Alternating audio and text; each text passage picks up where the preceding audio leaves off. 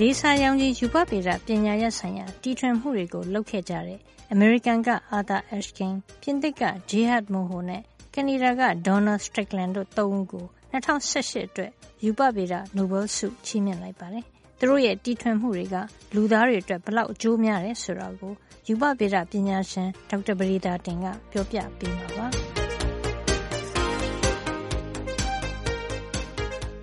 လေသာကိုပထမဦးဆုံး1960မှာစပြီးတွေ့တာပါအဲ့ဒါတွင်းထွက်ပထမအောင်သူတွေးပြီးတော့မှရအောင်လုပ်ယူတဲ့လေသာပါဒါမတိုင်ခင်ကတော့မေဆာလို့ခေါ်ပါတယ် microwave နော် microwave ရောင်ကြီးကပို့ပြီးတော့နှိမ့်ပါတယ်အလင်းရောင်မဟုတ်သေးပါအလင်းရောင်ကြတဲ့အခါကျ light amplification by stimulated emission of radiation ပေါ့နော်လေဆာဆိုပြီးတော့မှပေါ်လာပါတယ်1960လောက်မှာမိုင်မနုသုတေသနလုပ်ခဲ့တာပါအလီဂျာဗန်က စပြီးတော့ဒီလေဆာကိုစမ်းသပ်ပြီးတော့ပြခဲ့ပါတယ်သူက Bell Lab မှာလုပ်ခဲ့တာပါအခုရတဲ့ဒေါက်တာအာသာအက်စကင်ကလည်း Bell Lab မှာလုပ်ရင်းနဲ့ရတာပါသူက96နှစ်ရှိပြီဆိုတော့အနားယူသွားပါပြီသူရခဲ့တဲ့ဟာလေဆာရောင်ကြီးကိုအသုံးပြုပြီးတော့သူတည်တနာလုပ်ပြီးတော့တီထွင်ခဲ့တဲ့တိုင်းတာမှုနည်းပညာတစ်ခုဖြစ်ပါတယ်နောက်ရဟတ်မူဟိုပြင်သစ်နိုင်ငံပဲရစ်မြို့က Eco Polytechnic ကပမောက္ခရဲ့ကနေဒါနိုင်ငံ University of Waterloo က Donald Stricken ဆိုတာရယ် Donald Stricken က Jahad Muho ရဲ့တပည့်ပါသူသူတို့သူတည်တနာလောက်တာအလွန်တရာမှတို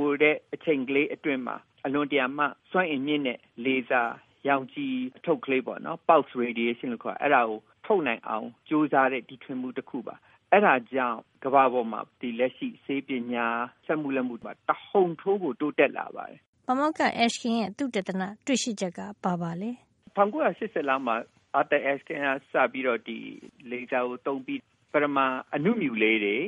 ရေထဲမှာရှိတဲ့အမှုန်လေးတွေဒီဘက်တီးရီးယားတဲ့သိငယ်တဲ့ cell ရုပ်ကလပ်ကလေးတွေကိုကိုလိုချင်တဲ့နေရာကိုရွှေ့ပေးလို့လေဆာဆွမ်းအင်နဲ့ထိန်းလို့ရတယ်လို့သူက theory ထုတ်ပြီးတော့သူကိုယ်တိုင်စမ်းသပ်ပြခဲ့ပါတယ်ရူပဗေဒသဘောအရအလင်းရောင်မှာ electromagnetic radiation လျှက်စစ်တန်လိုက်ဖြစ်တဲ့အတွက်သူ့မှာစွမ်းအင်ရှိပါတယ်အဲ့ဒီစွမ်းအင်ရဲ့ဖိအားကြောင့် ဒီအမှုန်လေးတွေကိုကိုကြိုက်တယ်လို့ရွှေ့လို့ရတယ်ဆိုတဲ့ဟာကိုသူကစမ်းသပ်ပြီးပြခဲ့ပါတယ်အဲ့ပြခဲ့တော့ကလူရဲ့ကိုယ်ခန္ဓာထဲမှာရှိတဲ့တွေးနေဥ cell လေးပေါ့နော်အဲ့ဒါလေးတွေကိုသူလိုချင်တဲ့နေရာလေးကိုသူရွှေ့ပြီးတော့တိုင်းထွာတာပေါ့နော်ဘလို့မှကိုယူရိုလက်နဲ့ကင်ပြီးထုတ်တဲ့ဇာကနာနဲ့တောင်မှမလုံနိုင်တဲ့အရွယ်အစားရှိတဲ့အမှုန့်အမွှားလေးတွေဘက်တီးရီးယားလေးတွေ cell လေးတွေကိုရွှေ့ဖို့ကြတော့အလင်းရောင်နဲ့ရွှေ့လို့ရတဲ့အတွက် သူ့အလင်းဇာကနာ optical tweezer လေဆာသုံးရတဲ့အတွက် laser tweezer laser ဇာကနာဆိုပြီးတော့ခေါ်တာပါလေဆာဇာကနာတီထွင်မှုကြောင့်ရလာတဲ့အကျိုးကျေးဇူးကကြီးမားလှပါတယ်လေဆာရောင်ခြည်ကိုအနု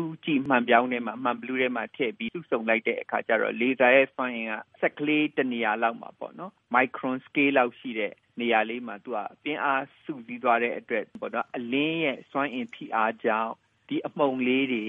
cell tissue လေးတွေကို ဟိုဘက်ဒီဘက်ရွှေ့နိုင်တဲ့အတွက် ဘက်တီးရီးယားစိတ်တုတေသနာမှာဆိုလို့ရှိရင်ဘယ်နေရာကိုရွေ့သွားတယ်သူတို့ဘယ်နှုံနဲ့ရွေ့တယ်ဆိုတာကိုတိုင်းလို့ရတယ် virus တွေအသက်ရှိနေတဲ့ living cell တွေပေါ့နော် cell လေးတွေကရွှေ့ရှားမှုတိုင်းလို့ရပါ cell လေးတွေဘယ်လိုရွေ့နေတယ်ဘယ်လိုပုံစံနဲ့ cell လေးကိုတိစောက်ပေးလို့ရတယ်လဲ colloidal physics လို့ခေါ်တဲ့ပုံစံခဲလေးတွေကိုကိုလိုချင်တဲ့ပုံစံအနေအထားမျိုးရအောင်ပြန်ပြီးတော့တိစောက်ပေးဖို့အတွက်ကိုဒါကိုသုံးလို့ရပါတယ် ယူပဗေဒနဲ့ယူပဓာတုဗေဒပညာရဲ့ဒီမှာ အလွန်တရာမှ အသုံးဝင်တဲ့ လေးစားအသုံးပြုတဲ့ဤပညာတစ်ခုလို့ ပြောလို့ရပါတယ် ပါမောက္ခ Ashkin ဟာ နိုဘယ်ဆုရှင်တွေထဲမှာ အသက်အကြီးဆုံးဖြစ်ပြီး သူဟာအခုချိန်ထိ သုတေသနတွေ ဆက်လုပ်နေဆဲပါ။သူဟာ ဆုကြေးငွေ ထက်ဝက် ချီးမြှင့်ခံရပြီး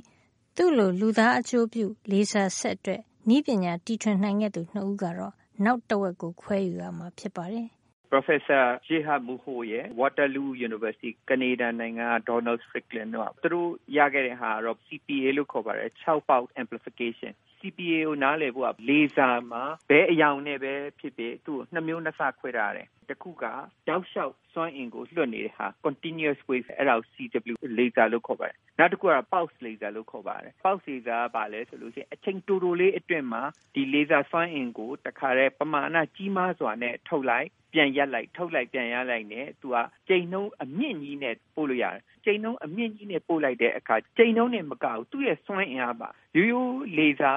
ရောင်ကြီးက1ဝက်လောက်ဆိုလို့ရှိလို့ရှိရင် သူကမဂါဝက်လောက်အထိထွက်ပါတယ်အဲ့တော့ခုနောက်ပိုင်းတန်းထောင်ပေါင်းများစွာဝတ်ချီတဲ့လေဆာကိုအလွန်တရာမှတိုတဲ့အချိန်တစ်စက္ကန့်တန်းတစ်ထောင်ပုံပုံအဲ့ဒါဥမာနောက်တန်းတစ်ထောင်ပုံလိုက်အဲ့ဒါ iter second လို့ခေါ်ပါအဲ့လောက်အချိန်တွင်မှာ terawatt လို့ခေါ်တဲ့တန်းထောင်ပေါင်းများစွာမြင့်တဲ့လေဆာရောင်ခြည်ကိုလွှတ်နိုင်တဲ့နည်းပညာကိုတို့ထွင်ခဲ့ပါတယ် သူတို့ရဲ့ CPA နည်းပညာသုံး လေဆာဆက်တွေဟာ အထူးသဖြင့် မျက်စိခွဲစိတ်ကုသမှု အပါအဝင် ကျန်းမာရေးဆိုင်ရာမှာရောကြံသုတေသနတွေ အတွက်ပါတိတ်ကို အရေးပါတာပါ ကျန်းမာရေးကုသမှုမှာတော့ အလွန်အရေးကြီးဆုံးနဲ့ အသုံးဝင်ဆုံးပါ ဘာလို့လဲဆိုတဲ့အခါကျတော့ ဒီ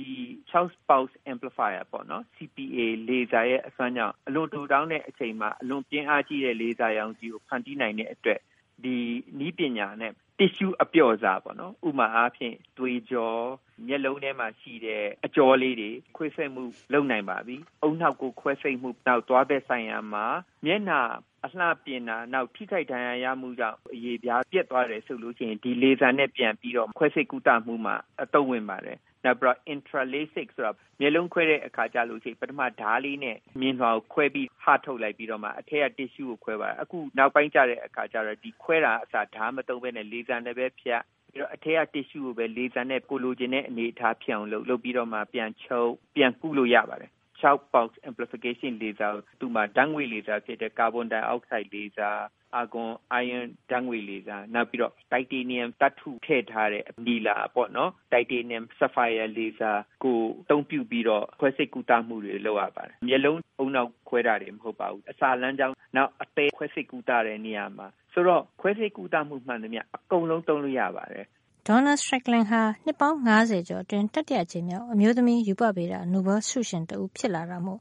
ဒီနှစ်ဟာ ထူးခြားတဲ့နှစ်ပါ။သူ့မတိုင်ခင်လွန်ခဲ့တဲ့နှစ်90က Jebert Mayer ဆိုတဲ့ ရူပဗေဒပညာရှင် ဂျာမန်အမေရိကန် အမျိုးသမီးတဦး ရခဲ့ပါတယ်။ပထမဦးဆုံး ရတဲ့ဟာကတော့အလုံးသိကြတဲ့အတိုင်းပဲ ရေဒီယိုဓာတ်သတ္တိကြွမှုကို ပထမဦးဆုံး တိုင်းတာခဲ့တဲ့ Marie Curie 1903ခုနှစ်လောက်ကပါ ဒေါက်တာပရိသာတင်ရဲ့ပြောကြားချက်နဲ့ပဲဒီသတင်းပတ်အတွက်သိပ္ပံနဲ့ဤပညာကဏ္ဍကိုဒီမှာပဲရန်နာလိုက်ပါရစေနောက်တစ်ပတ်မှာပြန်ပြီးဆုံကြပါဦး